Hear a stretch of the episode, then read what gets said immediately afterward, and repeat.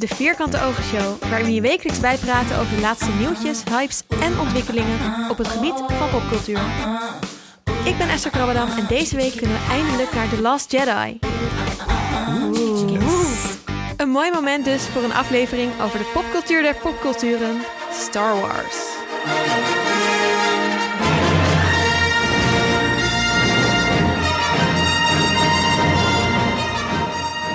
Ondertussen verandert het buiten steeds meer in planeet Hoth. Maar binnen zitten we lekker warm aan de chocolademelk met slagroom. Niet waar, aan het bier. Nee, eigenlijk aan het bier. Ik dacht voor de niemand kan het sfeer. zien. Precies. En aan tafel zit vandaag R2D2. Hallo R2. Play message. This is our most desperate hour. Help me, Obi-Wan Kenobi. You're my only hope. Oh, zo Naast R2D2, Lieven, hij is initiatiefnemer van de Podcastclub. En Lieve, wat is dat? De podcastclub is een boekenclub, maar dan voor podcast. Dus het is een maandelijkse avond in Lab 111. Eh, en we zeggen dan tegen iedereen, luister eerst deze podcast. En dan nodigen we de makers uit en dan praten we met de maker over hun podcast en hoe ze die gemaakt hebben. Daarnaast zit Marjelle, podcastfan en ze heeft echt een heel mooi Star Wars t-shirt aan. Thanks, Hey, thanks. Oh, Lieve trouwens ook. Ja, iedereen zit hier helemaal in stijl. Ik niet. Sikko niet. Sikko is het derde panellid en hij is van de Nederlandstalige podcast over Game of Thrones. Een fris en vurig liedje. Ja, mag ik eraan toevoegen dat we ook prijswinnaar zijn in de amateurcategorie van beste Nederlandstalige podcast? Dat mag je zeker. Eerste winnaar. We hebben allemaal echt heel veel zin om over Star Wars te praten. En sinds we de Vierkante Oogshow zijn begonnen, heb ik echt al heel veel mensen eh, gehad die aan me vroegen: Wanneer maken jullie een aflevering over Star Wars en mag ik please meedoen? Dus jullie zijn wel echt de uitverkorenen Wow, die hier echt vereerd, zitten. ja. Chosen one. Ja, gewoon trots hoor. Ja, nice. Wij gaan de balans in de terug bij je. Dat wilde ik net zeggen. Ik ben eigenlijk wel heel benieuwd hoe jullie zelf eh, zo fan zijn geworden van Star Wars. Wat was jullie eerste Star Wars ervaring? Sikko, wil jij beginnen? Eh, 1999 om eerlijk te zijn, toen episode 1 een nieuw, eh sorry, Phantom Menace uitkwam. Apart ook wel, want ik had daarvoor wel een keer Star Wars gekeken bij een vader van een vriendje. Die had ze ook op laserdiscs. Een Oeh, soort, dat zijn de eh, goeie. Echt de hele goede opnames, eh, zeg maar CD-kwaliteit op ding zo groot als een LP. Maar op een of andere manier klikte dat nog niet helemaal. Dat was mij iets te narcistisch, werd ik nog eh, te herinneren. En toen eh, is George Lucas natuurlijk helemaal lijp gegaan op die oude versies. Heeft hij allemaal shit ingemonteerd met vliegende beesten en weet ik wat niet meer. En dat ben ik toen wel gaan kijken in aanloop naar Phantom Menace. En de Phantom Menace, ja, daar is eigenlijk alles misgegaan. En dat ging zo erg mis dat ik uiteindelijk eh, ja, ook allemaal boeken ging kopen, strips, videospelletjes ging spelen. Ik had thuis een eh, Billy boekenkast met van die vitrinedeuren en in de vitrinedeuren alle plaatjes die bij de chip zaten. Een eh, Wauw. R2-D2 klokje, een Jar Jar Binks sticky tong ding om mee te pakken. ik, ja, het was helemaal idolaat. Ook allemaal van die kaarten, zo'n soort magic spel heb ik Ja, gehad. die heb ik nooit meer gespeeld, alleen in, in Verzamelen, insteekhoezen hè? Ja. gehouden. Het was echt, eh, het ging heel ver bij mij. En toen heb ik op een rommelmarkt op een gegeven moment een Millennium Falcon gekocht. En nou ja, ja toen was het helemaal aan. Van. Lego of niet? Nee, nee, nee. Dat was met van die kleine poppetjes. Maar ja, dat, wat Star Wars natuurlijk echt typeerde... Dat, dat ze heel vroeg zijn begonnen met die poppetjes verkopen. In oude Donald Ducks van mijn vader. Echt uit dus 1970 of zo, of 78. Allemaal van die reclames voor die kleine poppetjes. Ja, er is iets met die poppetjes. Je wil ze hebben. Ik heb, hier, ik heb er ook een. Ik heb Ja. Ray. Die staat hier ook op tafel. Dus die eh, kijkt ons toe met haar eh, lightsaber in haar hand. Ik heb nu wel een beetje idee dat ik hier bij de anonieme alcoholist zit. Zo'n praatclubje over, eh, over Star Wars. Hoeveel met iedereen. Hoeveel heb jij? Oh, wat erg, wat erg. Ah, Marjelle, wil jij even vertellen over jouw eh, Star nou, Wars ik heb geen Star Wars speelgoed. Alleen een heel cool Star Wars shirt. Eén Eh, maar. Ja, ik slaap hier in. Dus Waarom mijn is zij Dit is- uitgenodigd? Hey, ik slaap er elke dag in, hè. Dus wat dat betreft... ehm, nee, eigenlijk is mijn Star Wars fandom begonnen in, eh, toen ik op vakantie was in Londen. Dat is echt drie, vier jaar geleden of zo. Ik was gestopt met mijn studie. Eh, dus toen ben ik eh, principieel op vakantie gegaan. En daar met, met een vriendin zijn we Star Wars Risk gaan spelen. En dat was zo awesome. Ja, ik zweer je, Star Wars Risk. cool. Ik heb, Oké, ik heb wel speelgoed. Ik heb Star Wars Risk. Ja, nou, en dat kijk, is echt serieus heel awesome. Ehm, en toen moesten de films er natuurlijk ook bij komen. Dus eh, het was ook echt bij dat spel van... ja, ik ga lekker Bespin van jou inpikken. Haha, en dan ga ik dat en dan ga ik dat. En toen in, in die films kom je in één keer al die planeten tegen... en eh, dan begint de liefde voor Star Wars heel gauw... met de, de never-ending story about the good and evil. Lieve, jij, hebt, eh, jij kwam hier binnen met R2D2. Ja, ik heb Arthur meegenomen. Die heb ik ooit gekregen van... eh, in mijn familie zit nog een grotere Star Wars fan dan ik. Eh, ik heb een oom, die werkt bij Disney, dus die verkoopt al die speelgoed en dvd's. Maar ik heb ook nog een achteroom, dus dat is dus de zoon van de zus van mijn oma. En die is echt ultra fan en die heeft deze R2-D2 ooit voor mij gekocht. Eh, jullie hebben hem natuurlijk al gehoord. Maar ik heb er net pas weer batterijen in gedaan. Dus ik ben heel blij dat hij het nu weer doet. Hij is ook echt heel groot. Hij, is nu, hij houdt een biertje vast. Ja, ja dat kun je eh, zien op de, in de show notes. Precies. Ja, en zijn peris- periscoop staat uit. Dat vind ik ook wel leuk. Ja, ja, hij kijkt ons echt aan. Eh lieve, hoe is jouw eh, Star Wars fandom begonnen? Ja, het is heel gek, want ik heb dus die die familie, maar daar had ik nooit echt een connectie mee. En op een gegeven moment kwam dus eh, één uit, de Phantom Menace. En mijn moeder ging met mij en een vriendje daar naartoe. En toen, ik wist niet zo goed wat ik moest verwachten. Ik dacht, misschien is het een beetje eng, want het is met stars en wars. En, maar het was zo vet dat ik echt, daarna was ik natuurlijk helemaal fan meteen. Eh, en toen had ik natuurlijk ook, ik had wel heel veel Lego nog steeds in mijn kast. Ik vraag ook elk jaar voor mijn verjaardag nog Star Wars Lego. En dat staat nu ingepakt in de kast. Wordt ook steeds duurdere In de Lego. vitrinekast, ja. Want eh, star, ingepakte Lego, en zeker Star Wars Lego, is waardevaster dan goud. Wauw, laatst op het internet. fun fact. Mhm. Ik allemaal geloof naar de winkel. helemaal niks van, hè? Echt helemaal niks. Nou ja, ik heb ook wel dingen uitgepakt, maar Hij is laatst ook een meneer in Ipswich die heeft zijn huis verkocht voor een Death Star. ja. Ja, precies. Slecht geïsoleerd wel. Eh, ja, ik zelf ben net als Marielle niet opgegroeid met Star Wars. Maar mijn vorige vriendje die vond het echt niet kunnen dat ik die films nooit had gezien. Dus die heeft mij eh, opgevoed. En ik weet nog dat Heel we... goed. Heropvoedingskamp. Ja, precies. We keken zeg maar deel 4, dus het eerste deel. Nou, daar gaan we het zo even over hebben. En dat ik in de eerste paar scènes echt dacht... Twee soort van robots, droids die door een woestijn lopen. Waar de fuck gaat dit over? Maar ik ben heel snel hooked aan dingen. En nou, een paar scènes later was ik echt gewoon alles in 24 uur volgens mij gekeken. En nu ook, nou, ik heb de poppetjes. Eh, ik eh, ga meteen naar de eerste film zodra die uit is. Ik ben nu ook wel fan. Dus ook mensen die wat later pas kennis hebben gemaakt met Star Wars... kunnen wel heel erg fan zijn, vind ik. Even voor Marielle ook opkomen.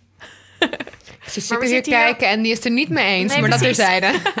Ik heb afgelopen week nog iemand geïntroduceerd in Star Wars. Die had Ja, nog ook- nooit, die had alleen Rogue One gezien. Ik zei, oh, ga die maar kijken. Toen had ze die in het vliegtuig gekeken.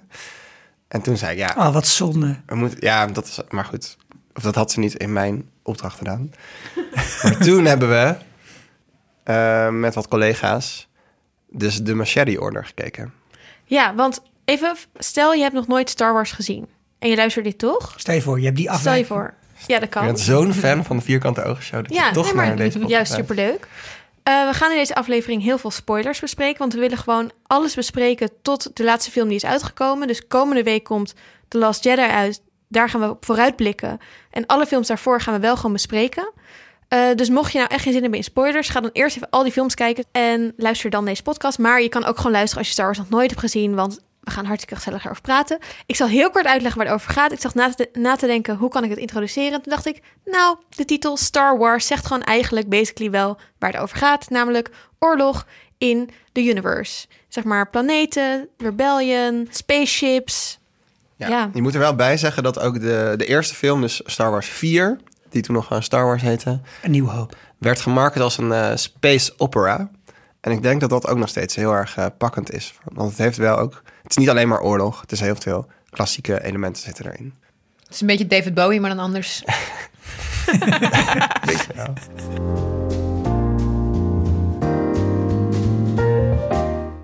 Lieve, jij zei het net al eventjes, Machete Order. De films zijn opgenomen in de volgorde 4, 5, 6, 1, 2, 3, 7, Rogue One en nu komt 8 in de bioscoop. Maar als je ze nog allemaal gaat kijken, of als je eens een keer wat anders wil, dan kan je Machete Order doen. Kan je even vertellen wat dat is? Ja, waar jij het dus net over had, was de release order. Zo heet dat. Dus dat is de volgorde waarin de films zijn uitgekomen. Je hebt ook gewoon 1, 2, 3, 4, 5, 6, 7, 8. En dan moet je Rogue One eigenlijk tussen 3 en 4 kijken. Ja, Hier, leg dit maar eens uit aan iemand die nog nooit Star Wars heeft gekeken. Mhm, Dit is we gaan het gewoon doen. één grote verwarring. Maar de Machete Order is een paar jaar geleden op internet geschreven, eh, verschenen. Ehm, door iemand die heeft een website en die heet eh, No Machete Juggling. Het is gewoon een guy die programmeert. En die had deze volgorde bedacht. ehm, waarin je dus kijkt 4, 5, misschien 1, 2, 3, 6. Eh, en dit was dus, deze Machete Order was bedacht voordat eh 7 uitkwam. Voordat überhaupt was aangekondigd dat er nieuwe films aan zaten te komen. Eh, en toen heeft hij ook nog een follow-up post geschreven, die ook heel lang is, over wanneer je dan 7 moet kijken of Rogue One. En dat maakt allemaal niet uit. Maar het belangrijkste is dat je dus 4, 5, 1 eventueel en dan 2, 3, 6 kijkt. Want dan is de spanningsboog van het hele verhaal spannender. Ja, en ik ben daar heel erg mee eens. Ik heb het ook een keer gedaan. Het is echt vet, want je krijgt dan zeg maar een soort van moment waarop je niet zeker weet in deel 6 of Luke wel of niet slecht wordt, omdat Anakin natuurlijk in deel eh 2 en 3 je hoopt dat hij goed blijft, maar hij wordt slecht. Ja, ja, anders is die spanning er wel af. Denk ik. Spoiler, Ja. Spoiler. het is de vader. Spoiler, ja. Maar dat, dat is dus heel vet. Als je het zeg maar zo kijkt, dan zeg maar die groei van eh, Anakin en Luke in... ik worstel met mijn krachten, ga ik ze voor het goede gebruiken of voor het slechte... die spiegel je dan aan elkaar. En dat maakt dat de spanningsboog nog vetter is. En dat ook gewoon die personages eigenlijk nog beter uitkomen. Ja, en vooral het verhaal van Jar Jar Binks komt dan ook beter uit. Ja, ja, ja. De Sith Lord. We zijn inmiddels dus in de spoilers, hè mensen? Ja, dus ik ga ervan uit dat nu alleen nog maar mensen luisteren... die gewoon of niets uitmaken of die alles al hebben gezien. Dat is waarschijnlijk het grootste deel. En wat ook leuk is aan de Machete-orde... want iedereen weet natuurlijk wel deze spoiler... dat Darth Vader de vader is van Luke Skywalker. Nooit Dat verwacht. heeft iedereen... Zeg maar, maar al, als je één meme op het internet kent... dan is dat wel de meme. Ja. Eh, dus het kan niet zijn dat je dat niet al weet... als je, dat nog niet, als je Star Wars nog niet gezien hebt. Maar er zit een andere eh, reveal in... Namelijk iets over familiebanden. Mhm. En die komt pas in zes eigenlijk naar voren. Dus als je eerst al die andere films kijkt en dan zes in deze volgorde, dan is dat, huh? Oh, Nee, maar aan het crazy. einde van drie zegt hij toch gewoon dat er twee kinderen uitkomen. en Ja, dan maar ja, dan toch een komt het vrij snel. In zes komt het meteen ook. Oh, zo, ja, ja. Ehm, ja, dus dat weet je dan pas later. ja. Voor het bespreken van de films en wat we ervan vinden, hebben we bedacht dat we eerst de oudste films gaan doen. Dat zijn dus 4, 5 en 6. Dan de nieuwere films, dus eh 1, 2 en 3. En dan gaan we kijken naar eh The Force Awakens, Rogue One, maar vooral ook naar wat verwachten we van The Last Jedi. Wat hopen we, wat willen we, wat weten we al. En deze volgorde vond vooral Sikko heel belangrijk, toch? Ja. Kan je dat even toelichten? Dit is denk ik wel, als je wil, wil typeren wat Star Wars is en je wil het daarover hebben en je wil ook vooral kijken van wat zijn die leidende thema's die steeds terugkomen, moet je hem ook in de release date order eh, bespreken, denk ik. Het was een heel innovatief concept toen in de jaren 70 om te zeggen we maken een film die met zoveel nieuwe aspecten en zoveel nieuwe concepten komt dat onze kijkertjes die zitten te brullen op hun stoel. Ook de reden overigens waarom er gekozen is voor een hele klassieke manier van eh, klassieke muziek onder eh, de film. Om ervoor te zorgen dat het eh, contrast met andere dingen ja, die je kent niet al te groot was. John Williams. Ja, John Williams, daar heeft zichzelf natuurlijk ook vereeuwigd door die, die soundtrack Ja. te maken. En sindsdien, ik ken eigenlijk geen film waar niet de soundtrack van John Williams is. of van die Zimmer die op dat orgeltje Ja, zit. Hansje. ja, Hansje. Maar ja, dit, dit... En het grappige is wel een beetje hieraan, is dat eh, je moet het op deze manier bespreken. Maar ik denk wel dat als ik nu zelf vandaag weer zou beginnen met kijken en ik zou beginnen met Star Wars en Nieuw Hoop, dan zou ik denk ik na een half uur zeggen zo, en donder even lekker op met je film, want hier heb ik geen zin in. Ja, waarom? Omdat het levend saai is. Het is echt heel erg traag. het is wel traag, En ja. maar, misschien verpest ik nu iets voor mensen, maar daar sta ik onbekend. Als je een nieuwe hoop kijkt met in je achterhoofd, dit is eigenlijk een heel lang spel van mensen die hendeltjes overhalen en elkaars hoed opzetten. Dan is, het feit, dan is die film gewoon helemaal verpest. Ja, maar daar moet je nooit over nadenken bij films, toch? Nou ja, er, had, wat, had wat meer finesse in mogen zitten. Maar het, serieus komt het gewoon op neer dat Obi-Wan Kenobi achter een paaltje langs schuifelt en een knop omhaalt. En dat iemand in een, in een stormtrooper pak, met dat veel te groot, zo veel te klein, eh, een, een ruimte binnenloopt en een hele starbase overneemt. Doe even normaal. Hebben ze geen veiligheidscamera's? die- De credibility, het is gewoon Ja, niet de credibility is. Het is toch niet. juist ook een beetje het, het hele idee van zo'n film van vroeger. Dat het allemaal nieuw was. Dat het nog net niet oké was. En dat je dat nu terugziet. Een beetje een nostalgisch gevoel naar ook zo'n zwart-wit film van de jaren Ja, precies. 20 of zo. maar weet dat je. is- dat is toch mooi? Die nostalgie vraag ik mij dus af als iemand voor het eerst Star Wars kijkt, of die die nostalgie ook kan vatten. Het is gemaakt in 1977. hè? Zeven zit, ja.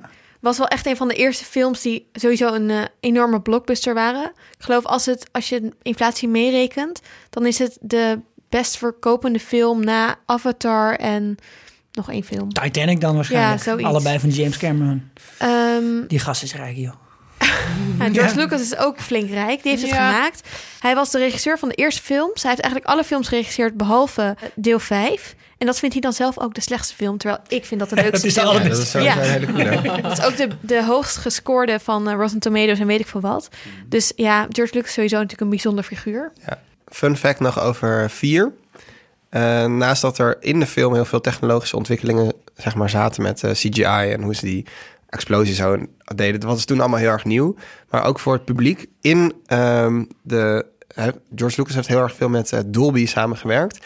En heeft heel erg gepusht om het geluid wat je eigenlijk eh, bij de openingsscène hoort. Het gaat eigenlijk, er vliegt een spaceship langs en die gaat van links naar rechts door het eh, beeld. Of van rechts naar links. Ik weet het niet precies. Vanaf zou ik je eigenlijk moeten weten, hè? Ja. Ehm, maar dat geluid verplaatst zich dan ook achter het scherm langs. En dat kon toen toch toen nog niet. Dus door ook de release van Star Wars hebben veel meer theaters Dolby Surround sound gekregen. Dus dat was ook weer een heel goed marketingidee eigenlijk. Zeker. Oh, ik, zal, ja. ik heb hier een heel leuk artikel over. Dat ga ik in de show notes zetten. Oh, doe dat. Wat eh, van die oude films, wat vonden we daar de leukste van? Ik zei net al, ik vond vijf het best, dus de middelste zeg maar. Maar Empire is ook de beste film. Gewoon, Gewoon als je hem, ja, maar als je hem rate op, op wat een film goed maakt. Het, is gewoon En wat een, maakt hem dan goed? het, is een, het heeft een vrij sterk verhaal. Mhm. Het heeft een aantal hele goede, mooie, spannende plot twists. Ja, Die echte, de Lando is gewoon fenomenaal dat die verraadt. hoor. Dat it's a trap. Ja, nee, dat, is dat, zes. is Dat zes. is Dat is zes. zes. Dat is General Akbar. Ja, maar dat maakt niet uit.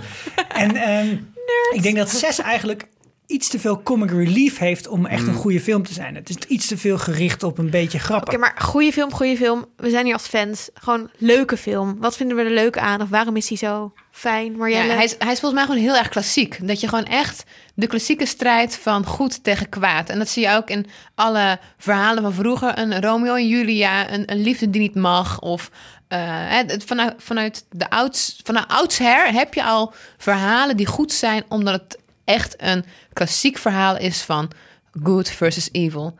En dat is gewoon de kern van Star Wars. Dat je eh, de dark side en de light side hebt. En je moet een, een balans vinden.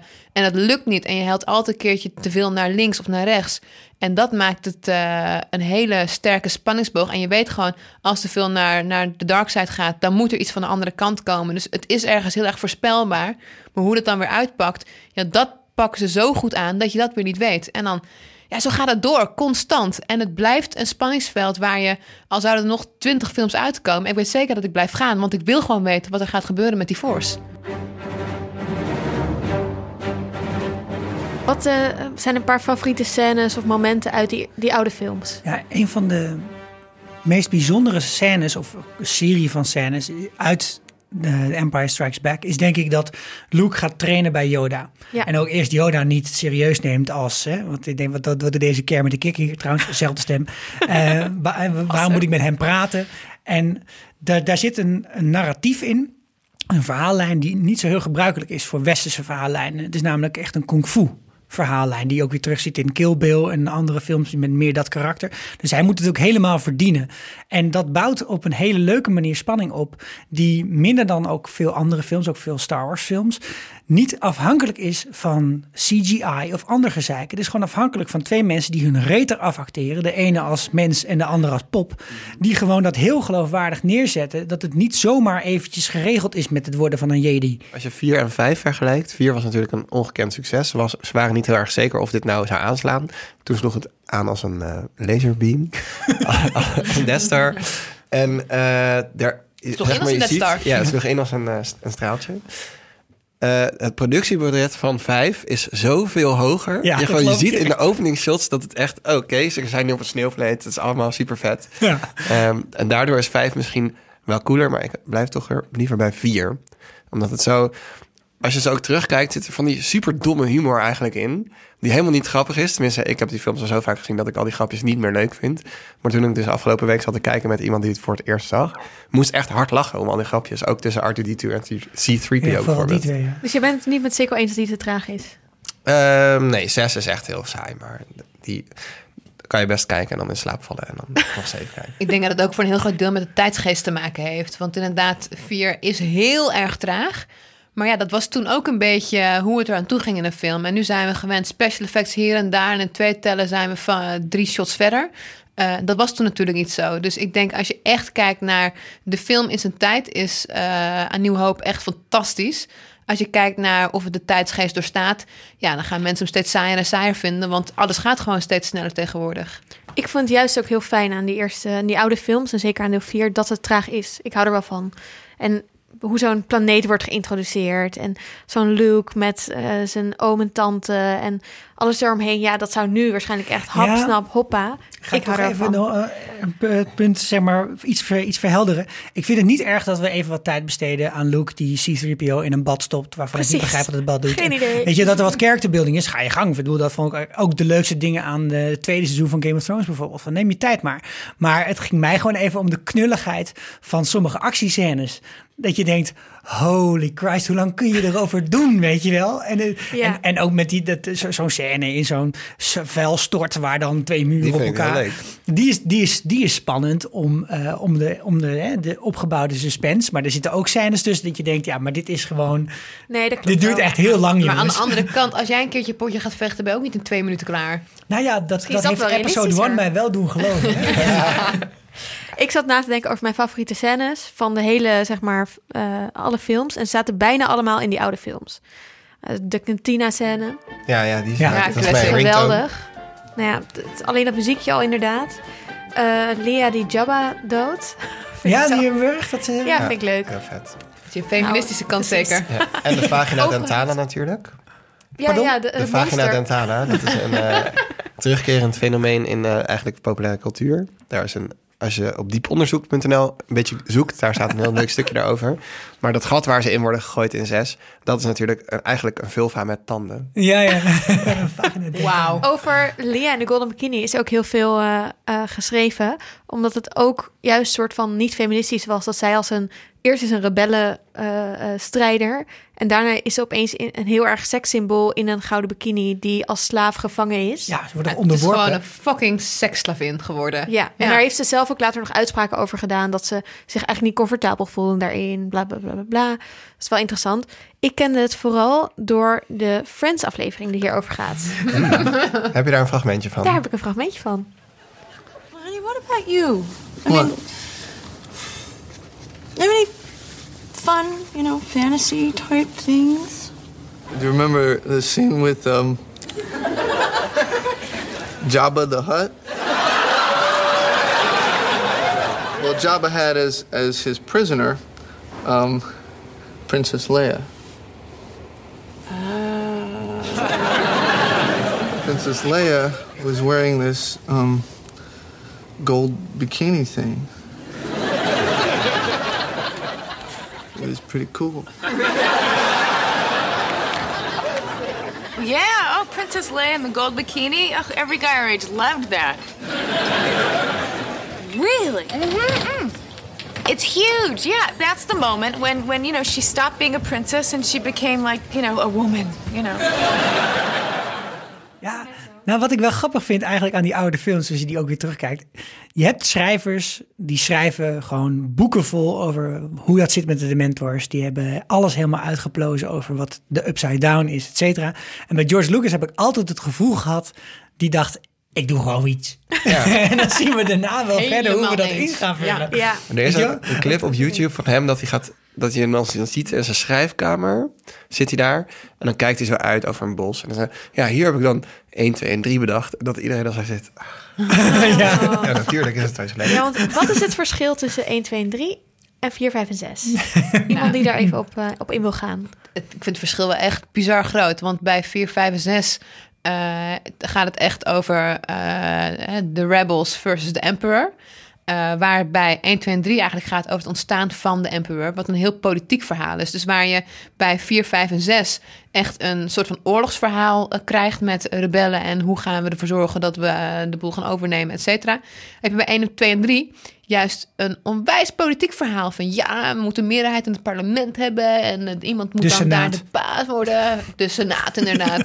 en eh, hoe gaan we dat fixen? En we gaan eh, met politiek bedrog. En het is in één keer een heel ander soort verhaal geworden. Ja, maar ook een soort kinderfilm. Ik bedoel, in deel 1 volg je gewoon een jongetje Nou, van een wat is die? kinderfilm.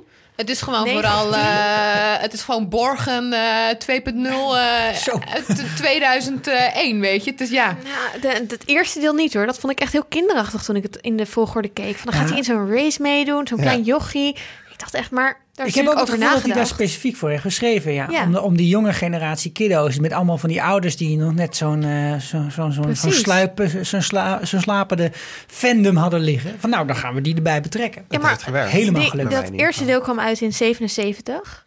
Dus stel je was dan zeg maar tussen de 10 en de eh 20, dan heb je waarschijnlijk net kinderen in 1999 waarin deel 1 uitkwam. Dus het is waarschijnlijk ook heel slim bedacht, want daar ga je dan heen met je kinderen om hen ook Star Wars mee te laten maken. En dat werkte ook heel Het goed. werkte als een team. Ik bedoel, hoe oud waren jullie toen die film uitkwam? Ja, tien. Ja, precies. Nee, twaalf, twaalf. Ja, En jullie zijn helemaal meegegaan in de zeker. fandomheid. Maar er zijn wel een paar dingen te zeggen ook voor de nieuwe Oké, films. nou, Want ik heb wat plusjes en wat minnetjes opgeschreven. Ik De denk nieuwe dat... films als in... Ja, 1, 2 en 3. Ja, maar misschien daarvoor nog wel. Je, je merkt ook wel dat het, het kijkerspubliek anders geworden is. Want eh, uit onderzoek bleek wel dat de mensen die Star Wars awesome vonden... waren vooral hoger opgeleide mensen ook. Eh, en een politiek verhaal... Ja, dat, dat gaat echt niet aanslaan bij iedereen. eh, maar wel bij die specifieke groep die Star Wars al leuk vond. Dus dus ook heel erg eh, goed gekeken van eh, Wat George. maken we en voor wie? Precies, wat maken we en voor wie en bij wie slaat het aan? En hij wist gewoon met de doelgroep die we nu al te pakken hebben... kan het verhaal heel goed aanslaan. Ook al is het een compleet ander verhaal. Ja, en misschien ook nog een stapje terug. Dat zeg maar de reden dat dit gebeurde, dus dat hij 1, 2 en 3 heeft gemaakt na 4, 5 en 6, is omdat hij zoveel eh, dingen met special effects en CGI, et cetera, wilde. Dat hij dacht, ik maak eerst die latere delen. Of nee, of hij dat nou echt dacht. Nee, joh, Precies. geloof ik bij Dat is gewoon on- niks van. Nee, dat is zeg maar on the go, is dat een beetje nu het verhaal. Ja. En dat dat nu allemaal wel mogelijk is, of in ieder geval, ik vind dat het er nog steeds niet echt mooi uitziet. Want inmiddels kunnen we veel meer. Nou, Maar- in 1997 heeft hij toen heeft hij die grote operatie. eh, Precies, er is bij- een- bijna Stalinistische operatie. Waarbij hij gewoon al die oude films is door gaan jakkeren. En eh Jabba de Hutt, die in de oude films nog gewoon een, een meneer is. Met een, met een best wel lelijk colbertje of een soort van bodywarmer aan. Heeft hij vervangen met naakslak met hele grote ogen. Ja, dus hij heeft toen het eenmaal kon, heeft hij zeg maar de oude films opnieuw gemaakt en daar allemaal special effects in geplakt. En er is ook een hele grote CGI-investering gedaan voordat ze die nieuwe films gingen maken. Dus doordat die films uitkwamen, kon er vanaf toen ook opeens veel meer. Eh, en dat is een beetje wet van de remmende voorsprong volgens mij, dat die films er inmiddels helemaal niet meer super cool uitzien. Ehm, maar daarnaast zijn er films gemaakt die er veel vetter uitzien.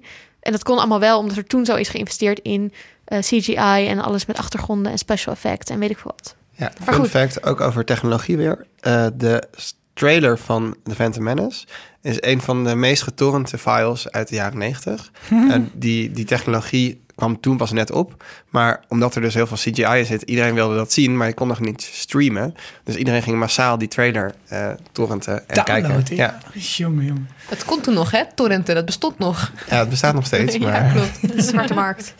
Sikko, jij had wat eh, feitjes of eh, weetjes over... Nou, de, de dingen die appealing zijn hè, aan, Ja. aan die nieuwere, oudere films. Is dat ten eerste, wat mij toen ook echt heel erg prikkelde, was vooral in episode 1 die ongelooflijk stof gechoreografeerde lightsaber scènes. Ja. Die gaan zo snel en die zijn, ja, die- zeg maar, die maken ook dat geloof wat je dan als klein jongetje of meisje hebt in dat de Jedi echt vooruit kunnen kijken in de, in de tijd, een klein beetje. Dat wordt ook heel erg aangezet. Eh, maakt het ook geloofwaardig, omdat hij gewoon Obi-Wan Kenobi die staat eh, aanvallen te blokkeren die hij niet had kunnen zien, zeg maar. En zeker met iemand tegenover zich zoals Darth Maul met een dubbele lightsaber was dat gewoon heel erg vet. Eh, ik denk dat er ook wel toch wel spannende scènes ingezet zijn die, eh, die, waarvan je steeds denkt, kunnen die Jedi dat aan? Kunnen die, ja, dat kunnen de Jedi aan. Droidekaas kunnen ze aan, weet je wel. En die hele legende die dan een beetje zo heel slapdash in eh 4, 5 en 6 is geïntroduceerd, die kreeg allemaal helemaal body op het moment dat je een Jedi Council had en dat je eh, daar eh, die mensen die vergaande glorie waren ooit in hun prime van hun leven zag. Dus je zag Yoda en Mace Windu en die mensen waren echt gewoon goed in wat ze Ja, deden. en allemaal super goede acteurs, hè? Samuel Jackson, Ewan McGregor, Liam Neeson. Zeker, Christopher Lee. En eh, Natalie Portman, hè? vergeet die niet. ja, Ja, en Want zeker. daar, zeg maar, Zeker. Natalie Portman was toen zeg maar, zo oud dat ik ongeveer even oud was als Anakin. En toen mocht ik ook verliefd worden op hem, want Anakin mocht het ook doen. Maar- En Natalie Portman was wel. En trouwens, Keira Knightley. Knightley. Ja, precies, ik wilde net gaan zeggen. Die is dus de, de de, double. de, de stand-in. Padme en hoe heet zij ook alweer? Zij het ook zat Eh, mee of zo, weet je? Want ja. het is Padme en zat mee. Ze lijken ook wel echt op elkaar. Ja, ze lijken Zeker Dat was het hele bedoeling ook, toch? Van, Ja. eh. Ja, precies. maar ik heb ook heel lang dat gedacht dat zij in de Pirates of the Ja, Caribbean Ja, zat, precies. Mensen Ja, halen hun altijd op elkaar. Wat ik ook heel vet vind aan die films, is dat de Emperor uit de 4, 5, 6, die speelt ook de Emperor in 1, 2 en Ja, 3. zeker weten. Mooi. Dat is wel echt goed gedaan. Hij heette Ian McDermott. Ehm, en dat maakt die continuïteit dan wel heel mooi. Ja. Ja, vind ik ook. Het duurde bij mij heel lang voordat ik door had dat de titel The Phantom Menace ook op hem slaat. Oh. Ik had altijd gedacht van Menace, Menace. Het enige wat ik ken was Dennis de Menace. Dus ik dacht, Ja. het zal wel over een kindje gaan of zo, weet je wel. Ik leerde ook net Engels. Maar het wat voor titel is dat? Nou, Serieus. Het is een echte George Lucas titel. Maar The Phantom Menace, oftewel er, het, menace, menacing. Dus iemand die eh, probeert onrust te stoken. Dus hij is zeg maar de onruststoker op de achtergrond. Dat en een moet soort die titel. spook. Phantom. Ja. Ja. ja. Ja, omdat hij ook de hele tijd alleen maar als hologram eh, Ja. oppopt. En er is ook een hele mooie klassieke verwijzing naar de, de Phantom of the Opera, die Ja. erin eh, verwerkt is. Ja, Ja, Goeie. Toch nog steeds een space opera. ja. zeker. zeker. Maar de andere- midi-chlorians. Midichlorians, ja, dat was zo'n... Ja, lame. Ja, dat was Sorry, een hoor. jaren negentig eh, ge- zijn genetische revolutie eh, dingetje, denk ik.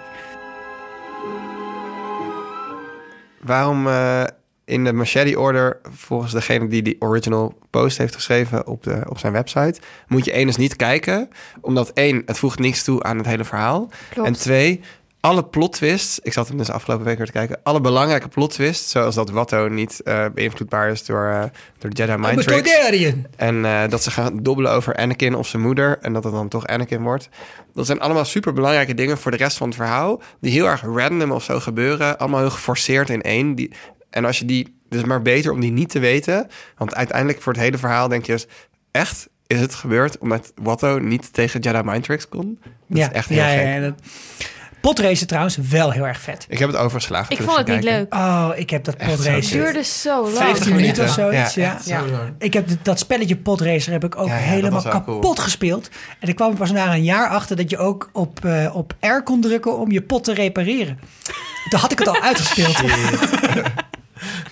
Ah. Ik ken het potrace spelletje niet, maar is het een soort van Mario Kart van eh, tien jaar daarvoor? Ja, of? maar zon- zonder met schildjes gooien. Nee, Ja, het, het- ik, ja, ik heb één keer het geluk gehad om in Las Vegas ook in zo'n arcade in een pot Nee. race ding te zitten. Die bestaan. Wauw. Fucking vet. Maar eh, ja, maar dit nou, was echt heel erg leuk. En je kon, ik kon ook al die dingen die Watto zijn. Want je kon al in de shop van Watto kon je nieuwe onderdelen van je pot kopen. Die kon ook al die dingen uit mijn hoofd. Sweet Yaga. Holy Bracadando. En al dat soort shit.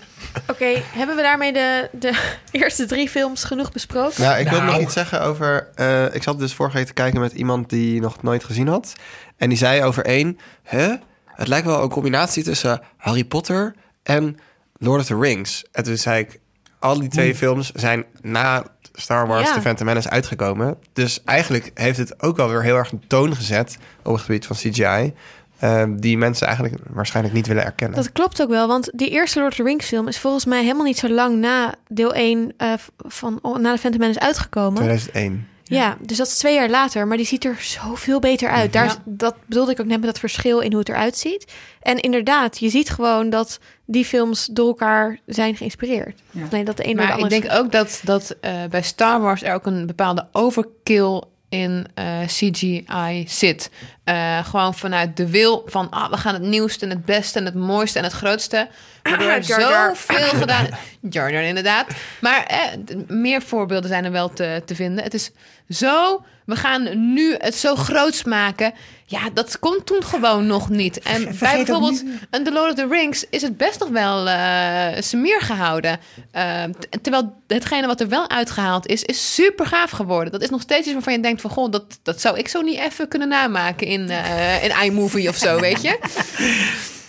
Nee, maar vergis je echt niet dat er, gewoon, er zitten scènes in, de, in zeker de Phantom Menace, maar daarna wordt het eigenlijk alleen nog maar veel erger. Maar je hebt het hele stuk dat ze vanaf de oppervlakte naar een stad onder water gaan met een of andere fucking Ah, duikboot. ja. Je echt denkt, dit is nergens goed voor. En als je dan daar onder de water ook nog eens een keer een hele racistische vertoning moet aanschouwen die niet... Of nou, nee, niks bijdraagt aan de rest van het hele verhaal. Het is zo erg eigenlijk. En 2 en 3, we hebben het steeds over 1, maar 2 en 3 iets beter. Ja, kijk, Attack of the Clones heeft volgens mij destijds ook een Raspberry twee. gewonnen. Dus de, de, de anti-Oscar. En toen was hij in de running met Crossroads van Britney Spears. Nou, dat zegt volgens mij wel het een en ander. En Freddy Got Fingered heeft dat jaar ook meegedaan, volgens mij. Maar deel 3 daarna. vond ik wel vet. Met Ach, de grote eindstrijd. cool. Ja, die was Ja? echt... Ja, ja, dat ik vond- gevecht. Wel, ik vond de eerste, of, de eerste drie films, 1, 2 en 3, vond ik echt best wel lame eigenlijk. Maar ja, eh, je bent een fan, dus je gaat natuurlijk kijken. En natuurlijk vind je het awesome, maar het waren gewoon echt slechte films. Maar ehm, het einde, waarin inderdaad eh, de battle van Anakin eh, met eh, Obi-Wan Kenobi. Dat is zo gaaf. Eh, ik vond ook Anakin vond ik zo slecht gecast. Ik vond het echt Ja, een vond ik slechte ook. acteur. Vond ik ook. Echt gewoon heel slecht. Een zeik, maar joh. ja. Ja. echt gewoon zo'n zo'n vervelend kind waarvan je echt denkt van... Oké, ik heb al tien keer gezegd dat je geen snoepje mag. Kap nu even met zeiken, ja, weet je. Zo'n kind. Nou, ik heb er echt een scheidhekel aan. Überhaupt aan kinderen, maar dat terzijde. Ehm Anakin was gewoon slecht gecast. Maar die laatste scène waarin Obi-Wan Kenobi eh, de benen van hem eh, eraf hakt met zijn lightsaber... en dat hij daar ligt te vergaan... en ondertussen nog zoveel liefde voor pap mee heeft... maar eh, eigenlijk zelf de boel helemaal kapot maakt... en ook gewoon de, de, de pijn die hij zichzelf daarbij doet... ik vond het zo toch ergens goed geacteerd. En ik, was, ik vond het zo geloofwaardig door de opbouw die in alle drie de films was gemaakt. En dat vind ik wel de classic van Star Wars. Ongeacht hoe kut de films zijn, eh, de climax is fantastisch. Ik wil dan heel graag nog inhaken op ehm, die Machete Order. Want het gaat heel erg over fandom. En de vraag over wat fandom is vanuit de wetenschappelijke literatuur. eh, zegt Jenkins dat fans eigenlijk textual poachers zijn. En dat zij eigenlijk zeggenschap willen krijgen over het verhaal. Dus ook al maken ze de films van Star Wars niet, ze kunnen wel bedenken dat ze in een andere volgorde beter te zien zijn. Dat is een beetje, dan heb je weer als fan iets meer te zeggen over het materiaal dan de maker zelf. En dat eh, merk je ook heel erg als je het kijkt. Maar denk je ook dat een dat dus het Machete Order dat die is bedacht en dat echt wel heel veel mensen dat kennen, dat dat ook een soort van tegenkracht is van dat mensen die eerste 3D laag niet leuk vinden. Dat het is van nou dan gaan we het op die manier nog zelf in de hand houden. Ja, dat sowieso. En ik denk ook dat als je weet, als je met iemand praat die Star Wars fan is, want zeker nu het door Disney is overgenomen, is het veel meer mainstream geworden. En je kan overal kleren kopen van Star Wars tegenwoordig.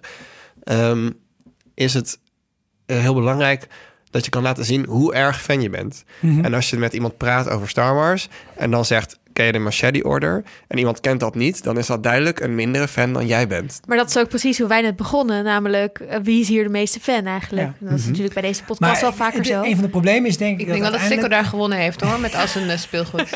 ik, ik denk dat George Lucas in zekere zin eh, zichzelf een paar keer in discrediet heeft gebracht door een mindere fan te worden. En een voorbeeld daarvan staat hier op tafel, Arthur D2. Om gewoon even een voorbeeldje te geven.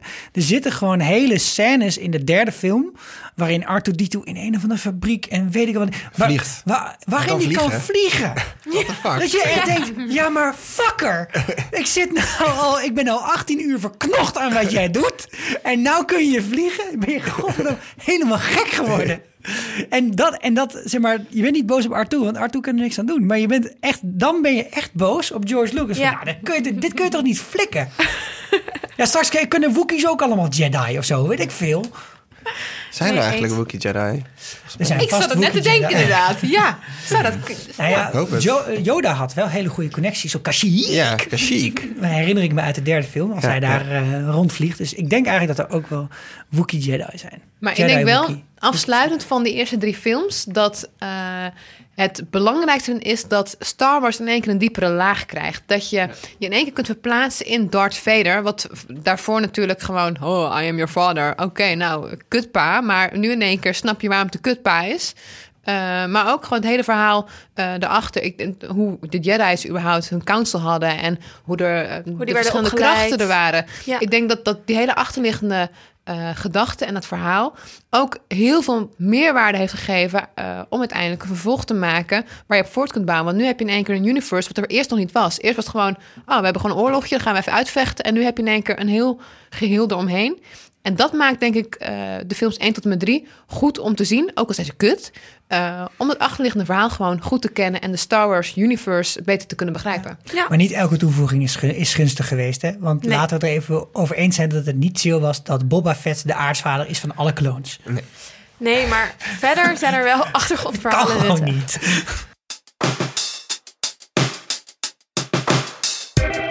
Even een intermezzo voor onze sponsor. Wist je dat er ook hoorspelen zijn van Star Wars? Met een deel van de originele cast werden de films als het ware nagespeeld voor de radio. Deze BBC-adaptions van de films kan je allemaal beluisteren op Storytel. En toevallig is dat onze sponsor. Storytel is een app waarmee je onbeperkt luisterboeken kunt luisteren. Er staan echt duizenden luisterboeken op, Nederlands en Engels. En echt heel bekende boeken. Dus Harry Potter, Dan Brown, maar ook Harry Mulisch, eh, Herman Koch. Ook Nederlands literatuur. En speciaal voor luisteraars van de Vierkante Ogen Show heeft Storytel een actie waarmee je de app gratis een maand kunt uitproberen. Ga naar www.storytel.nl slash vierkante ogen en meld je aan. Nog een andere luistertip van mij. Als je van Star Wars houdt, hou je vast ook van andere sci-fi. Ik in ieder geval wel. En ik heb net de eerste twee delen uit van de Themis Files. Die boeken zijn net laatste jaar, twee jaar uitgekomen. En ze gaan over een wetenschapper die een gigantische robot gaat opsporen, allemaal onderdelen. Die waarschijnlijk zijn achtergelaten ooit door aliens eh, die hier eerder op aarde waren. Het leuke aan die boeken is dat ze helemaal bestaan uit files, uit interviews, krantenberichten. En het luisterboek heeft daardoor echt meerwaarde. Want elk personage heeft een andere stem. Andere file wordt ook echt anders voorgelezen. En dat maakt het dus echt heel erg tof om te luisteren. Het eerste deel heet Sleeping Giants en via www.storytel.nl slash vierkante ogen kan je dit boek gratis luisteren. Inmiddels hoort Star Wars tot het Disney-imperium. En zijn er sinds eh, 2015 twee nieuwe films uitgekomen. Namelijk The Force Awakens en Rogue One. Waar The Force Awakens deel 7 is. En Rogue One is eigenlijk een soort tussenfilm tussen deel 3 en deel 4. Het is gewoon 3,5. 3,5. Eigenlijk 3,8. Ja, precies. Oké, Rogue One. Ik ga iets heel erg, echt iets heel controversieels op tafel leggen.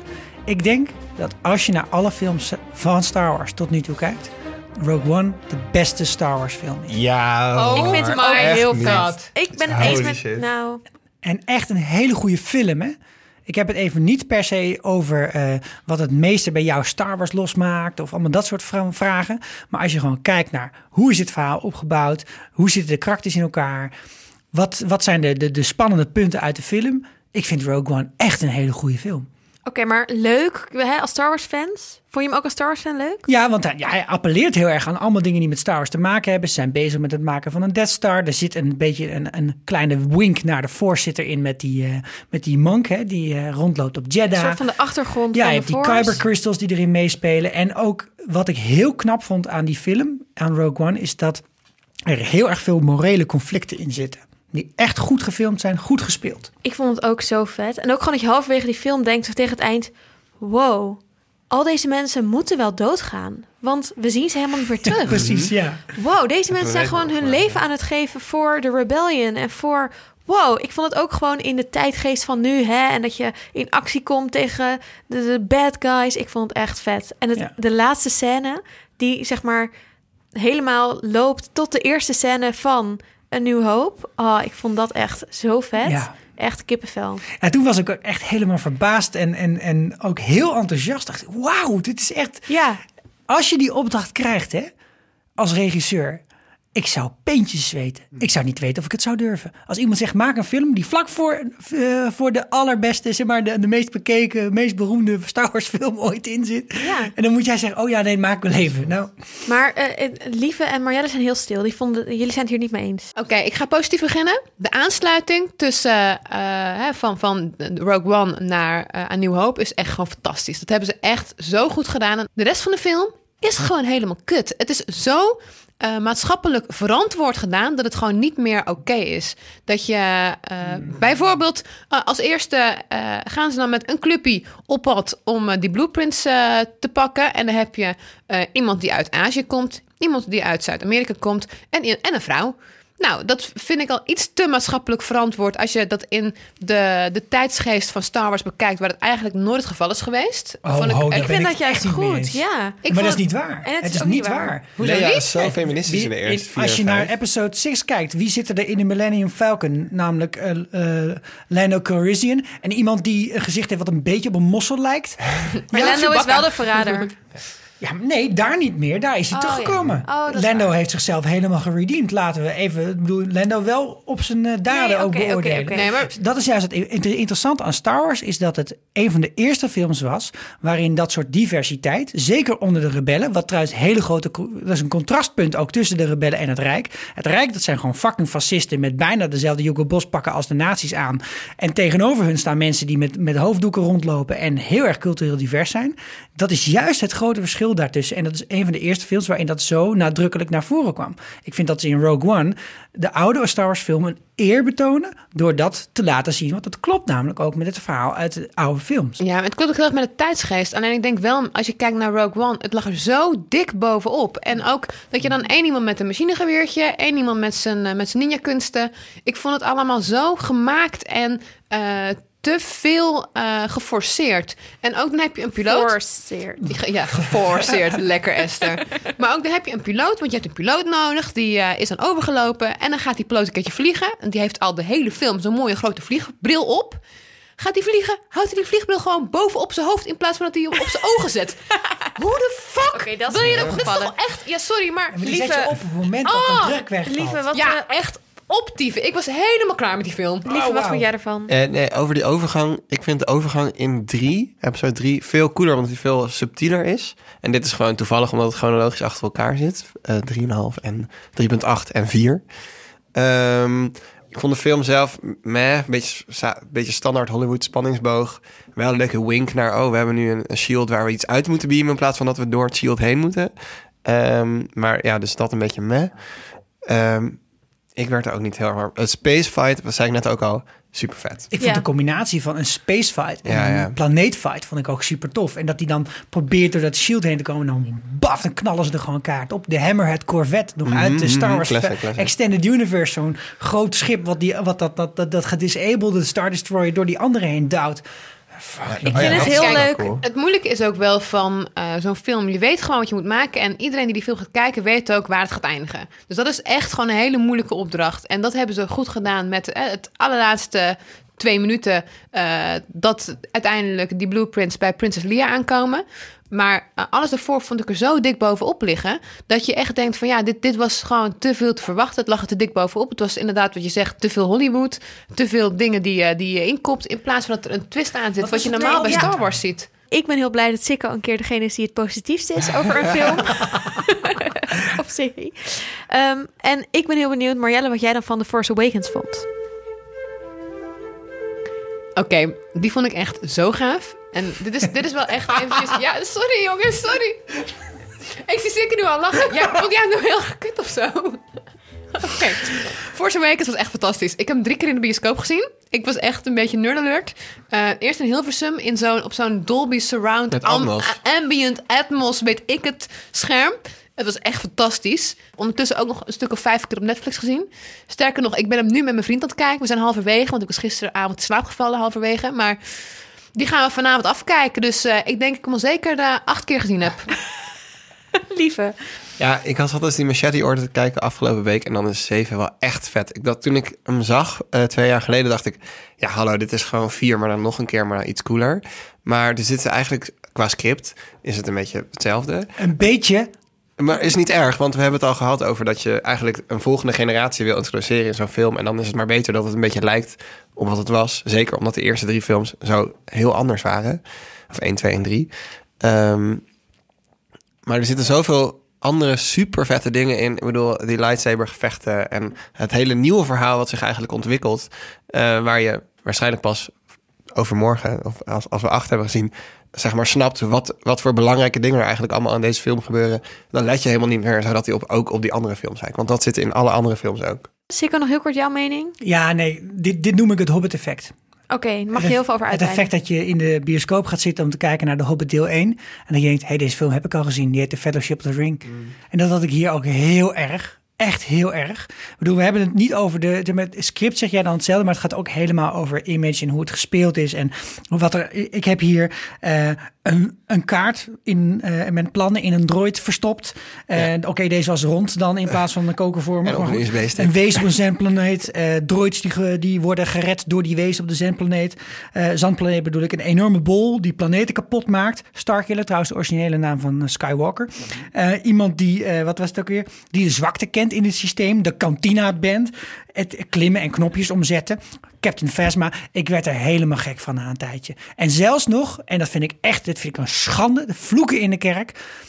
Een goed karakter dat zichzelf opoffert voor de eh, boog van een slecht karakter.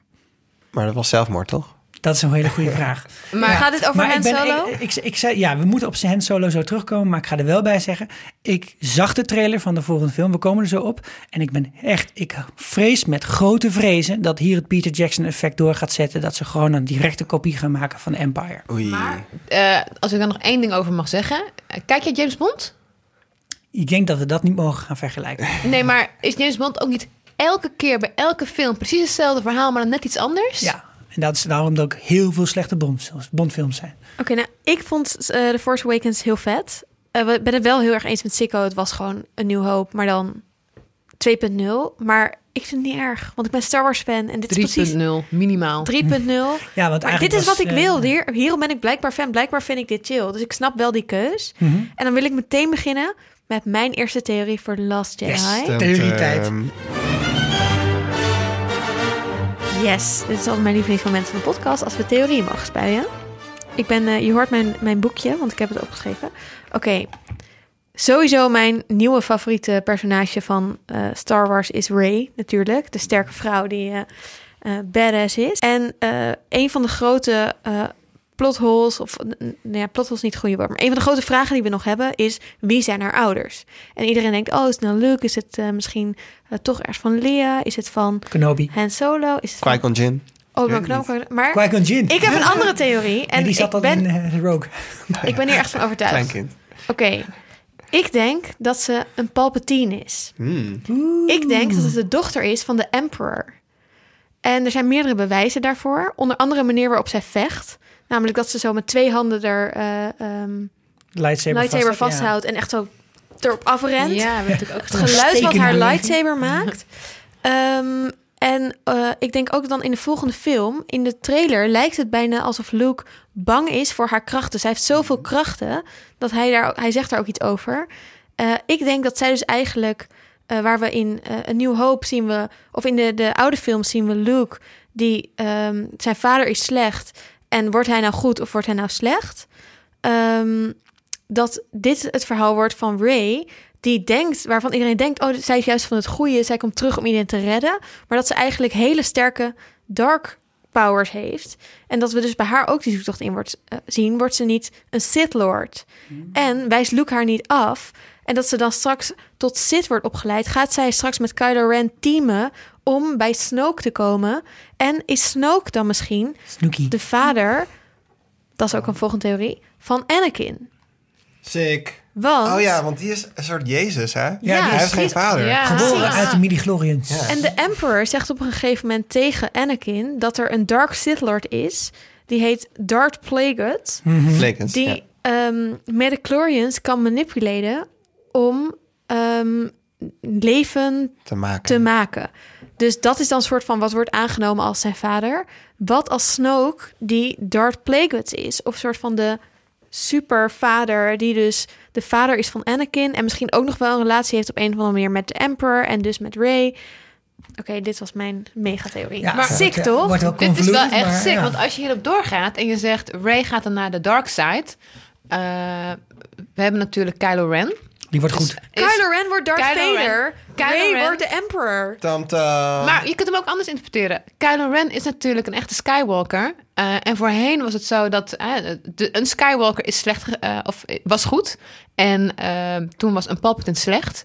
Wat nou als het omgedraaid wordt en Rey dus gewoon hier eh, weer de bad bitch gaat uithangen en Kylo Ren toch uiteindelijk weer goed gaat worden. Oh my god, ja. Want Ja, dan maar- heb je alsnog een nieuw hoop helemaal al over. Ja, dat zou dan gebeuren. Oké, andere theorieën. Lieve. Ehm, nou, in de trailer inderdaad wat jij zegt over dat ze gaan samenwerken. Ja. Je ziet op een gegeven moment ste- steekt Ray haar hand uit... en dan pakt, lijkt het alsof Kylo Ren hem gaat pakken... en of ze dan gaan samenwerken. Ik denk inderdaad, wat, wat jullie zeggen... ik denk meer dat ze er tussenin gaan zitten. Dus Luke, eh, je ziet hoe eh, Luke gekleed is... en ook eh, Ray in deze trailer. Ze hebben allebei grijze kleren aan... en dat verwijst naar de Grey Jedi... Luke natuurlijk is altijd al op zoek geweest naar de balance in the force. Dus hij doet goede dingen en slechte dingen. Of hij heeft zowel krachten van de dark side als van de light side. En hij is in de backstory, dus tussen 6 en 7 is hij heel erg op zoek geweest naar de Old Jedi Scriptures. En daarin, dat waren allemaal boeken, die zijn over het hele universum verspreid. Die heeft hij verzameld en in de Jedi Tempel gelegd, waar hij mensen aan het trainen was. En in die scriptures staat heel veel over Grey Jedi. En dat zijn Jedi die eigenlijk voorbij goed en kwaad zijn, maar zeg maar tussen de dark side en de light side in zijn. En ik denk heel erg dat het die kant op gaat. Dus dat, dat Rey en Kylo samen iets gaan doen in het, in het kader van uh, The Last Jedi. Want Yoda zegt dus tegen Luke: The Last Jedi you will be. Dus zij moeten iets anders worden, want hij gaat misschien wel dood. En dan hebben we dus een nieuwe Jedi en dat zijn dan Grey Jedi. Maar precies, en daar zit een precies het probleem dat Jedi. Er werd het net al even in, in deze uitzending Jedi is gezegd. Maar Jedi is natuurlijk zowel enkelvoudig als meer, meervoudig. Dus we, we weten helemaal niet of we het hebben over een laatste persoon of een laatste club, een laatste orde. Die zij misschien graag zouden willen worden. Luke ik denk dat je moet die, uh, die, die, die vision van, uh, van Ray uit de vorige film is vrij belangrijk, denk ik. Ingewikkelde vision ook. Ik kan hem heel moeilijk plaatsen in uh, de rest van de popcultuur, waarin je meestal zoiets hebt van: je hebt visioenen die, die kunnen alleen maar vooruit, je visioenen die kunnen alleen maar achteruit. Er zijn visioenen die naar het nu kijken. Weet je, daar, daar wordt altijd heel veel mee gespeeld, zeker in de fantasy literatuur. Ik heb heel lang gedacht dat die visioenen ook met dat zwaar te maken hadden. Maar ik zat gisteren nog een keer te kijken naar de visioenen. En toen dacht ik, een paar van deze visioenen kunnen niet per se aan dat zwaard opgehangen worden. Dus ik vermoed, en als je, als je goed kijkt in die visioenen, dan zie je ook een paar dingen gebeuren. En één daarvan is dat uh, wat, wat zelfs in de trailer heeft gehaald, tot de trailer heeft gemaakt van de vorige film, dat Luke naast R2D2 zit op de grond en een hand op uh, R2D2 neerlegt en op de achtergrond zie je dingen in de fik staan. Dat moet het moment zijn dat Kylo Ren hem heeft verraden en de hele nieuwe tempel van de Jedi kapot heeft gemaakt. En na, daarna heeft hij gezegd, fuck it, I'm out. Ik heb hier geen zin meer in. En dat Ray, het wordt haar taak om hem te overtuigen, haar te trainen. Deze hele film lang. Ik denk dat het heel lang gaat duren. En uiteindelijk moet er een soort moment komen waarin inderdaad Kylo een, in zijn boog die al begonnen is. Dat vond ik een van de weinige dingen aan de vorige film die ik echt goed vond. Echt dat zo'n zo, zo'n opgefokte puber was die een hele console kapot mapte met zijn lightsaber. Als iemand zegt, je krijgt vandaag niks te eten daar, gaat inderdaad iets heel moois gebeuren, denk ik, dat er een crossover is tussen die twee paden. Waarvan je niet van tevoren had verwacht dat gaat er worden. Dus misschien gaat dit zelfs ook niet gebeuren, maar er gaat iets onverwachts gebeuren. Daar heb ik heel veel zin in. Ik ga Esther vragen of ze dit in de show notes kan zetten, maar die ene link die ik in het draaiboek had gepost, met dat soort van gedichtje uit de scripture, waaruit blijkt dat uh, eigenlijk uh, alles wat goed is relatief is. En ik denk dat dat een verhaallijn is die eigenlijk niet zo goed erkend wordt, omdat we het de hele tijd hebben over het gaat over goed tegen slecht. Maar eigenlijk gaat de hele space opera 1 tot en met 7 en hopelijk ook 8 nog veel meer over als je iemands backstory kent, snap je ook wel dat je slecht kan worden. En uit dat gedichtje blijkt dat, uh, en uh, Luke citeert dat op een gegeven moment ook, van ja, eigenlijk is wat goed of slecht is relatief. En daar gaat Star Wars eigenlijk voor mij heel erg over. Als hij een gedichtje zegt, denk ik de hele dat begint met de Sith zat te denken. Ja. Wie jij dit jaar een Death Star zou schenken. Ik ben ook wel benieuwd naar hè, wat je eerder al zei over de, de Great Jedi. Je hebt eigenlijk twee posters van de nieuwe film van The Last Jedi. Eentje met The Light Side. Uh, daar zie je dus alle, alle goedzak op. En eentje met de Dark Side zie je alle slechterik op. En er is één persoon, die komt op beide, beide posters voor. En wie is dat? Ray. Ray. Niet alleen Ray, nog iemand. Arthur Dito. Lea. nee, onze good old Skywalker Luke staat op beide posters. Echt? Ja, zowel op de, op de good side en de dark side poster. Dus de vraag is ook, misschien is hij inderdaad voorbij het punt van goed en slecht. Uh, maar heeft hij de Force gemasterd?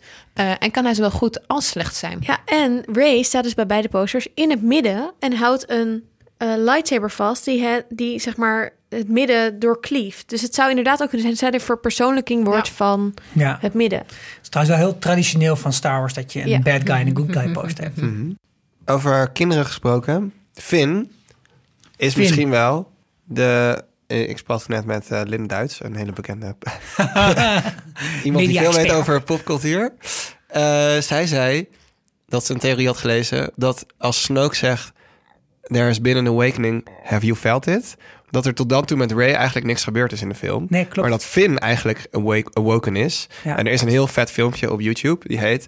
Uh, is Finn de zoon van Mace Windu. Mace Windu, ja. Wat? Oh, dat zou ook wel echt Ik heb heel zijn. lang gedacht, en ik denk het nog een beetje, dat, dat het helemaal niet onbestaanbaar is dat Snoke Mace Windu is. Ja, dat kan ook nog. En dan zou Waarom? Finn ook zijn eh, Waarom? zoon kunnen zijn. Waarom? Ja? Omdat dezelfde- Mace Windu, kijk, didn't die on screen. Dit is een heel belangrijk fenomeen in de popcultuur. We hebben hem niet, zeg maar, we hebben niet Thrones, de dokter zien ze van het is 12 uur 34, hij is dood. Mace Windu is gewoon eh, in een gevecht met Emperor Palpatine. Is hij uit het raam gezogen door Ja. een soort drukverschil. En daarna heb je er nooit meer wat van gehoord. Eh, Snoke is een totaal toegetakeld eh, creatuur. Het, je ziet ook niet meer wat het ooit is geweest. Dus het kan ook in de, in de fik hebben gestaan. Je weet het gewoon niet. En Mace Windu is echt een soort van live fried. Hè? Dus die werd met die bliksemschichten die uit die eh, lange nageltjes van Darth Sidious kwamen... werd hij helemaal in de, fik- in de fik gezet. Het zou heel goed kunnen. En dan kan het nog steeds zo zijn dat Finn ook zijn zoon is. Bovendien heeft hij een paars lightsaber. En dat betekent dat je ook eh, krachten van de dark side gebruikt. Ook al ben je goed. En wie had dat ook? En, eh, ja, dat Mace ook. Windu. En Finn vecht ook hetzelfde. Hij heeft zeg maar een, een soort van backstab die je in eh, eh, twee ziet. Als ze in de arena gaan vechten. Ja. Dan doet Mace Windu zo'n... Als hij het hoofd van Jabba the Hutt eh, of Boba Fett afhakt... Ja, dat is vet. dan doet hij zo'n backstab. En dat doet Finn ook in zeven. Ja. Dus vandaar kan je ook zien dat ze misschien related zijn. Maar ik heb nog wel een andere theorie over wie eh, onze grote nieuwe bad guy is. Want het zou heel goed kunnen zijn dat Snoke misschien nog wel een eh, echte eh, oude meneer is van eh, de Heel Oude. Republiek. Ja. Eh, een, dark, een Darth Sith, zoals toen ook met Palpatine is geweest. ja. Dat is de Emperor. Ehm, en dat hij een hele tijd eh, heeft geslapen, maar dat hij een nieuwe kracht in de Force voelde. Daardoor weer eh, wakker geworden is. En eh, dat hij teert op de krachten van de Jedi. Dus Ja. hoe minder Jedi er zijn. Hè, daarom is op een gegeven moment ook dat, dat Anakin alle Jedi Order vermoord 66. heeft. Execute Eh, Order 66. Precies. Ehm, dat hij daarop teert sterker wordt op het moment dat de Jedi afnemen. En dat eh, zijn doel is nu om de Last Jedi eh, uit te moorden. Mhm. Waarmee hij al zijn krachten weer eh, opnieuw gekregen heeft. En daarmee de nieuwe Emperor wordt eh, in Star Wars. Pam, pam, pam. Belangrijk ook nog uit de visions van Ray is dat een van de scènes die je helemaal in het begin ziet. Dan loopt ze door een gang en die gang komt uit Cloud City. Wow. Eh, dat, ja, dat, dat, dat heb ik niet zelf gezien. Dat zal ik er eerlijk bij zeggen. Maar dat, dat hebben een paar nerds op internet uitgevogeld. Van, je ziet dan, zij, zij, zij loopt die gang in. Ze, ze is dan bij Maskamata. Dat, is die, dat is die mevrouw Sowieso met die alles bril op die heel raar doet. Ja. Alles op de planeet is het, het hele vetste uit zeg maar, die hele film. Vanaf, vanaf dat ze daar aankomen, dat ze er weggaan. Alles zit erin. Visioenen. Ja. eh, Ray en Kylo monsters. ontmoeten elkaar. Eh, ja, dus, eh, De, de lightsaber. de lightsaber. Ja. Eh, vechten eh, met inderdaad Finn die ineens gaat hakken. En natuurlijk Han en Leia die elkaar weer zien. Ja, Mhm. Het is nee, gewoon eens. zo vet. Maar Cloud City dus. Ja, ik denk dat het best wel goed zou zijn voor. eh, kijk, laten we, laten we het zo doen. Ze mogen van mij best wel oude dingen weer revisiten. En ze mogen best op plekken komen waar we al eerder zijn geweest. Daar is helemaal niks mis mee. En dan moeten ze het ook gewoon goed doen. Maar Cloud City was echt best wel een leuke locatie. En ook best wel interessant. Een soort een plekje waar je eventjes kunt uitrusten. Ik kan me voorstellen dat daar toch nog een soort connectie gaat, eh, gaat bestaan. Ja. Die in een bredere zin misschien ook wel iets met verraad te maken heeft dan weer, maar dan weer op een andere manier. Als het op die manier invullen is het echt helemaal niet erg. En in dat visioen zit zij, is zij heel even in Cloud City, in een van die gangen. En dat was ook een van de redenen waarom dacht, nou ja, Luke is daar geweest en daarom zou het met die lightsaber. mhm. Ingewikkeld zit dat in elkaar, maar het kan best wel een rol gaan spelen. En dan is de vraag of Lando Calrissian ook niet hier toch nog bij betrokken spelen. Zoon van, Lando. vader van Finn. Is vader van Finn, ja. Alleen, alleen omdat hij een kleurtje heeft. Ja, zo werkt het wel.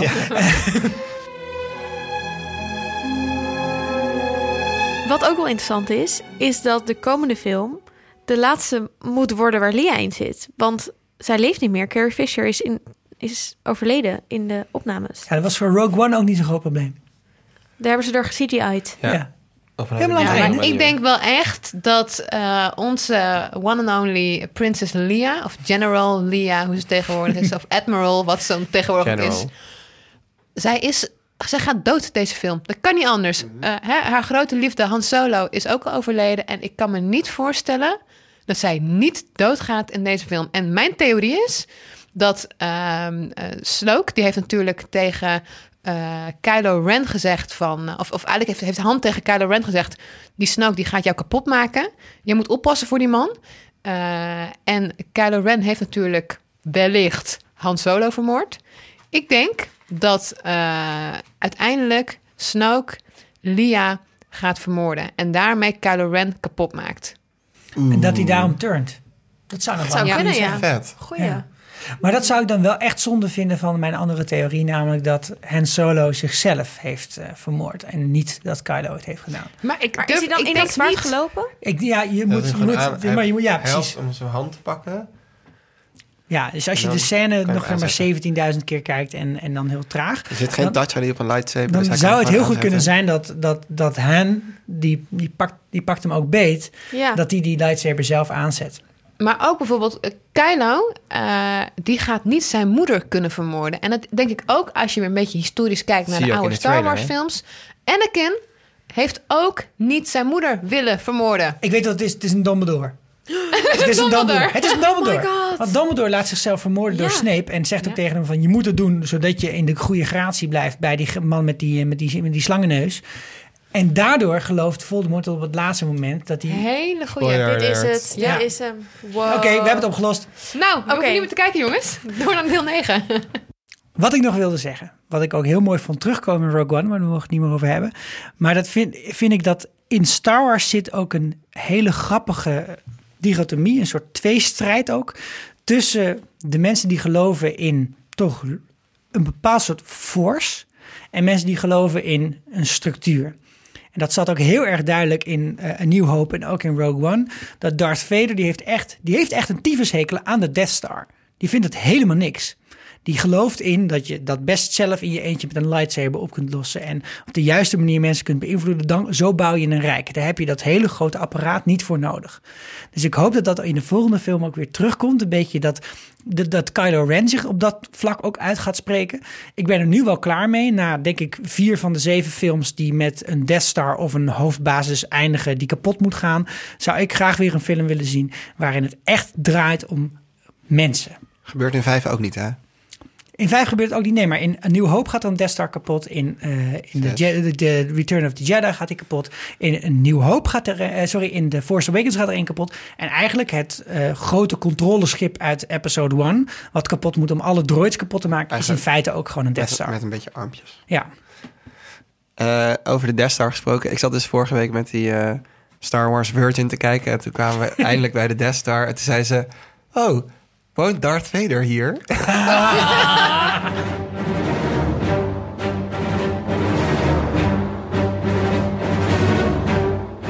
Nou, en, en misschien nog een vraag voor iedereen... want eh, die, eh, degene die de volgende film gaat regisseren... Ryan Johnson...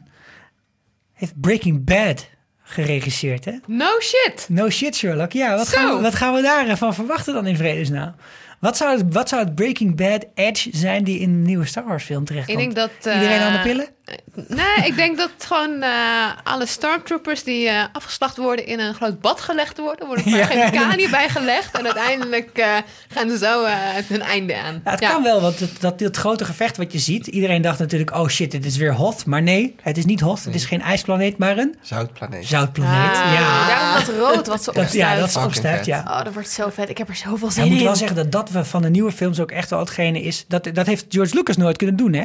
Is die filmografie erin te krijgen. En daar mogen we J.J. Abrams, die de vorige film heeft gemaakt, echt voor bedanken. Gewoon die shots met zo'n eh, zo'n Millennium Falcon die een looping maakt. En dat, dat moment Finn Ja. iets uit de lucht. Dat was wel zo vet. Eh, Het gaaf van J.J. Abrams is ook wel, hij heeft ook de Star Trek films eh, geregisseerd. Zijn ook Wat natuurlijk vet. eenzelfde soort genre is, maar toch ook weer niet.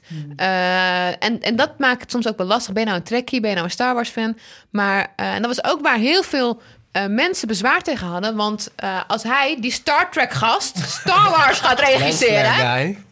Ja, dat, dat was natuurlijk wel een beetje controversieel. Maar hij heeft het zo goed gedaan. En hij heeft ook zo goed de, de toon erin weten te zetten. Van eh, de sfeer vast weten te houden. de filmografie goed kunnen doen. Het was echt, echt... Die man heeft Star Wars wel echt weer tot een nieuw niveau gebracht. En dat is wel de nieuwe standaard die we nu ook wel verwachten van episode 8 en 9. Kijk ook echt naar Lost, zeg maar, zijn serie uit de Zero's, die iedereen heel stom vond. Ik vond het echt sowieso de beste serie van de Zero's. Oké, maar jongens, hoeveel zin hebben jullie in het Ja, volgende twee. deel? Ja, op een schaal van twee. Echt Zo veel. Heel gaaf.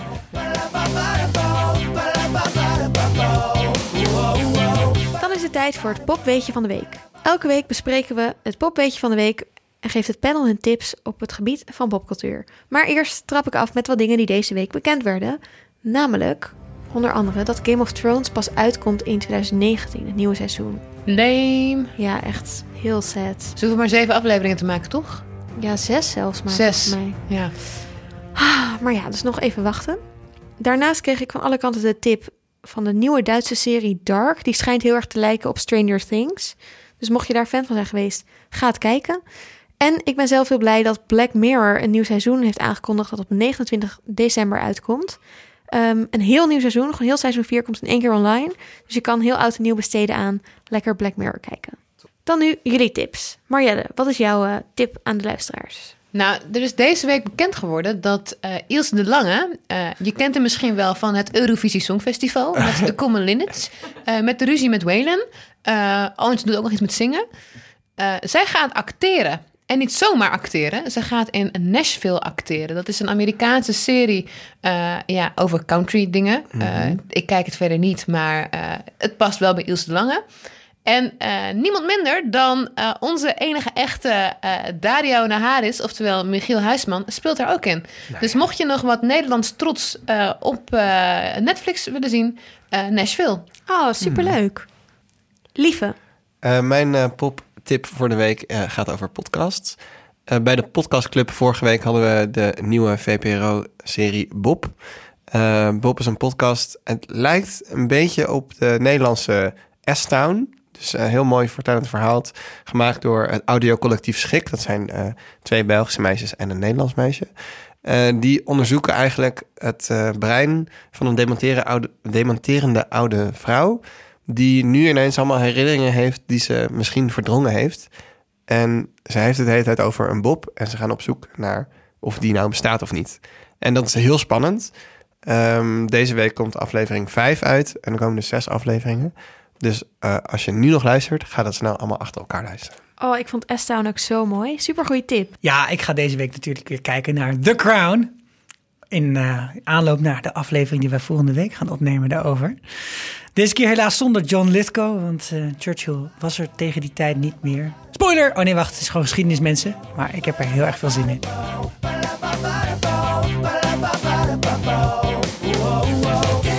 Dat was de Star Wars special van de Vierkante Ogen Show. Lieve Sikko en Marjelle, heel erg bedankt voor al jullie Star Wars wijsheden.